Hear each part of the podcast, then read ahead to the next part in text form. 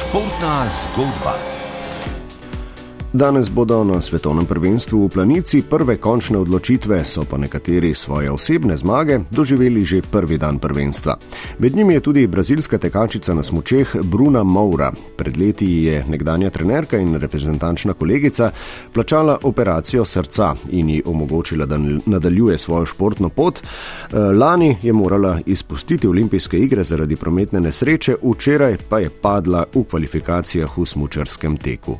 A si, kljub kljub temu z osmim mestom omogočila dodatne nastope v planici. Njeno zgodbo predstavlja Luka Petrič.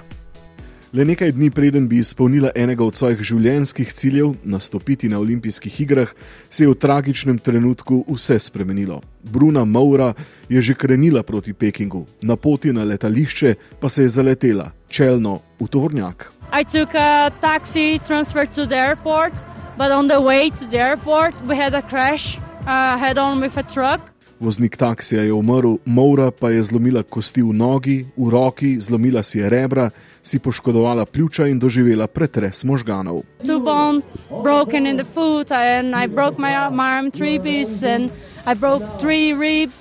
the concussion and injury in my lungs, it was, yeah, not, not a nice thing. Sanje v Pekingu so se seveda hipoma razblinile, trenirati je začela šele novembra, pred tedni pa je dobila zeleno luč, da lahko kljub bolečinam tekmuje v planici.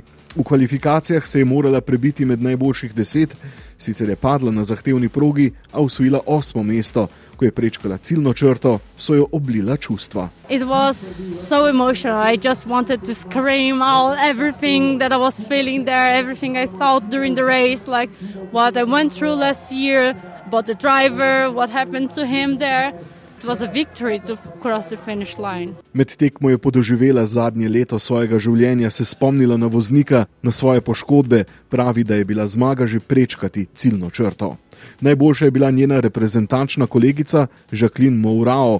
Obi brazilki veže veliko več kot le smučarski tek. Mouraojeva je bila trenerka Moure v drugem športu, v gorskem kolesarstvu.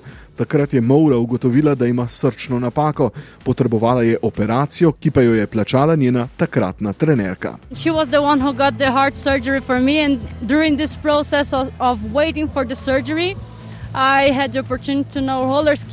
Tedaj je spoznala tek na rolkah, to je poletna različica smučarskega teka.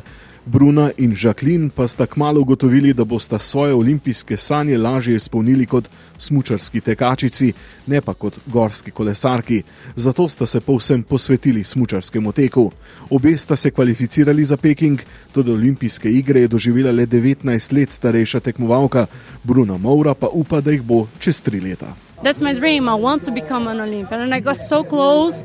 I thought if I qualified before, I will qualify again. I know I can do it. I will fight for it. Če je enkrat že uspelo, verjame, da je bo tudi za Milano in Cortino, pravi, da bo za to storila vse.